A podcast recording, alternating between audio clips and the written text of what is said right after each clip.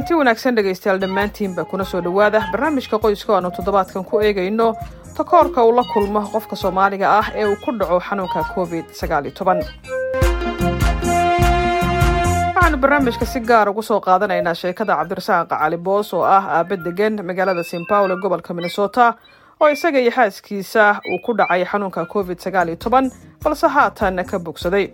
Hase ahaatee dhibaato kala kulmay bulshada uu ku dhex noolaa cabdirasaaq ayaa marka hore waxaan weydiiyey sida isaga iyo xaaskiisa ay u maareeyeen markii uu ku dhacay xanuunka maadaama ay carruur yaryar u joogto. Bismillahi raxmaan walaal caasho aada iyo aad ayaad u mahadsan tahay xanuunka covid nneteen markuu nagu dhacay markii hore xaaskiga ayuu ku dhacay oo shaqo ay ka shaqeyneysay baa dadkii ka shaqeynayay ayay ka qaaday. Kadibna markii hore waanu sakranay oo waxaanu sinay. War waa iska allergis iyo waxaas oo ismaanan oran waxa idinku dhacay waa covid nineteen. Afar beri markay xan xanuunsanayd ayaa xaaskayga waxaan ku yidhi bal dhakhtarka tago isi soo baar. Intii jawaabta imanaysay waayo markii hore jawaabtu waqti bay qaadan jirtay oo baaridu aada bay u adkayd. Saddex beri kadib anigii ayuu haddana isoo ritay oo qandho fara badan igu samaysmantay jawaabtii baa la helay. Markii jawaabtii la helay isla markiiba dee waxa weye facebooka iyo ayaan ka hadlay in xanuunkii igu dhacay. Dadkii ila socdo saaxiibaday ahaayoo dhan baan la hadlay oo waxaan ku yidhi war xanuunkaasa igu dhacay dee idinkuna is ilaaliya. Isbaarana way isbaareen alxamdulilah cidna lagama helin carruurta yaryar waxaanu ku maareyneynay carruurta qolalkooda ayaanu saxeyneynay qolalkooda ma aanaan gelayn waxaanu kaloo iska ilaalinayna carruurta yaryar inaanu dhunkano ama shumino inaan kor u qaadno inaan maxaanku idhaahdaa dee agtooda marmarno waa iska ilaalinaynay. Waxaanu kaloo isticmaalaynay kimikada wax lagu nadiifiyo inaana kijada iyo musqusha iyo meel walbo maaragtay familigooda isticmaalo sida miisaska inaan ku tirtirno. Cuntada waxaa weye waxaanu samayn jirnay cuntooyinka waxaa noo keeni jiray makhaayad la yidhaha afradeli marmar cunto noo keeni jirtay marna waxbaan iska karkarsan jirnay. Ciyaalka laftooda maraykan dee waa ciyaal isdaberi yaqaano. Frinjeerkaas iskaga dhex jireen waxbay kulkululeysan jireen. Caruurtaydana waa lix labiyo toban jir ilaa shan jir inta udhexaysa saddex weli iyo saddex gabdhood. Marka wallaahi waqti aada iyo aada adag buu ahaa alxamdulilaahi markii aan soo ladnaanaynay muddadii quarantiinka ama ama istakooridda xaaskayga waa iga hor dhamaysatay maadaama iga xanuunsatay.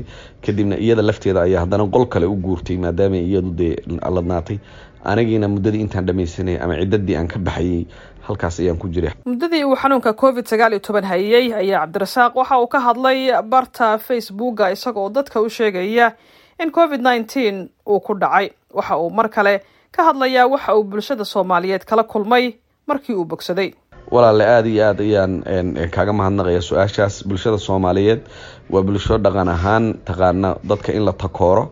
Anigu markii aan meediyada ka hadlayay waxaan ugu talagalay dadka inaan wacyigeliyo wixii talabixina siiyo inaan u sheego xanuunkani inuu yahay xanuun qof kasta ku dhici kara. In qofkii uu ku dhaco uu dadka u sheego si dadku ay isaga ilaaliyaan inta uu ladnaanayo.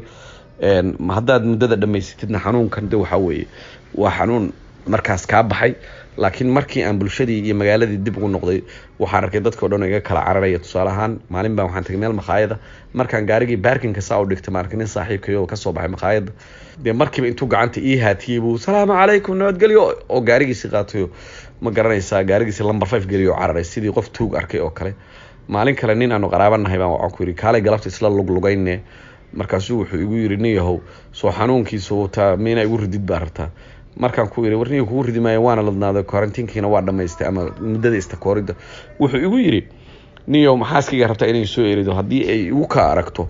Anoo la socda aan ninkaas la socday de waxay odhanaysaa noo soo hooyan maysid marka anigii dhammaa ayaa waxaa noqday magarasa tuka cambaar marmar waxaan is idhahdaa maxaaba kugu kalifay? Aada u sheegtay.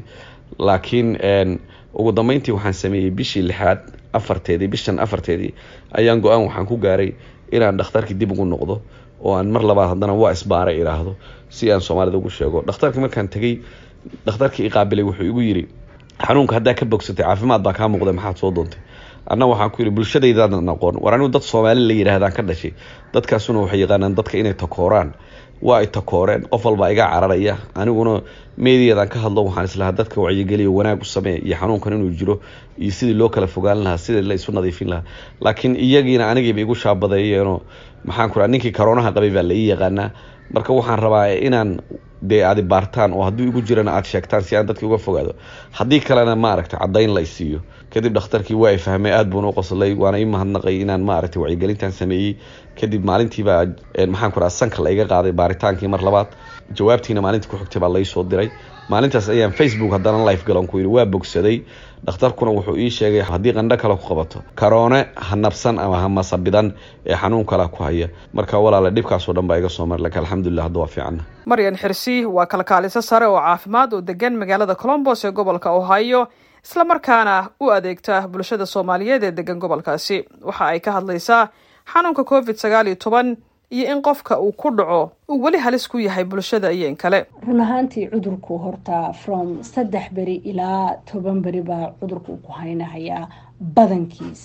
However dakhaatiirtu waxay dhahaan badanaa ama c d c ga website-ka oo maaragtay department of c d c ga tobanka beri kadib waxaad haysataa seventy two hours seventy two hours waa three days ilaa four days camal oo aada fiirinaysa sidaa tahay. Marka qofkii haddii uusan qufac haynin haddiina qandha haynin haddii maaragtay oo neefta ku ceshoomeynin ama dhuunta xanuuneynin qofkaas uu ka fayoobaaday cudurkii ku dhacay. Means qofkii haddii wax symptoma uusan haysanin waa caadi qofkii afar iyo tobanka beri kadib inkastoyba c d c da departmentgada ay leeyihiin toban beri afar iyo tobanka beri kadib qofkii waa caadi shaqadiisuu ku noqon karaa magaaladiisuu qaban karaa qof ma infecti garaynayo qof kale cudurkii uma gudbin karo. Labadaa wi kadib ama afar iyo tobanka beri kadib again qofka shaqo wuu ku noqon karaa wuxuu rabu qabsan karaa magaaladiisu mari karaa qof kale kuma uu ridi karo cudurkii. Because symptomskan ba nacam markuu uu yahay cusub yahay wey markuu de qofka qaadsiinahayo uu ku dhacahayo within tobankaa beri gudaheeda. Laakiin tobankaa beri hadduu qofku dhaafo qofkii caadi weeye qof kale ma qaadsiin karo intaana dhegaystayaal waxaa ku dhan barnaamijka qoyska oo aan toddobaadkan ku soo qaadanay takoorka uu la kulmo qofka soomaaliga ah ee uu ku dhaco xanuunka covid sagaal iyo toban. Intaan mar kale kulmayno waxaan idinkaga tegayaa sidaas iyo nabadgelyo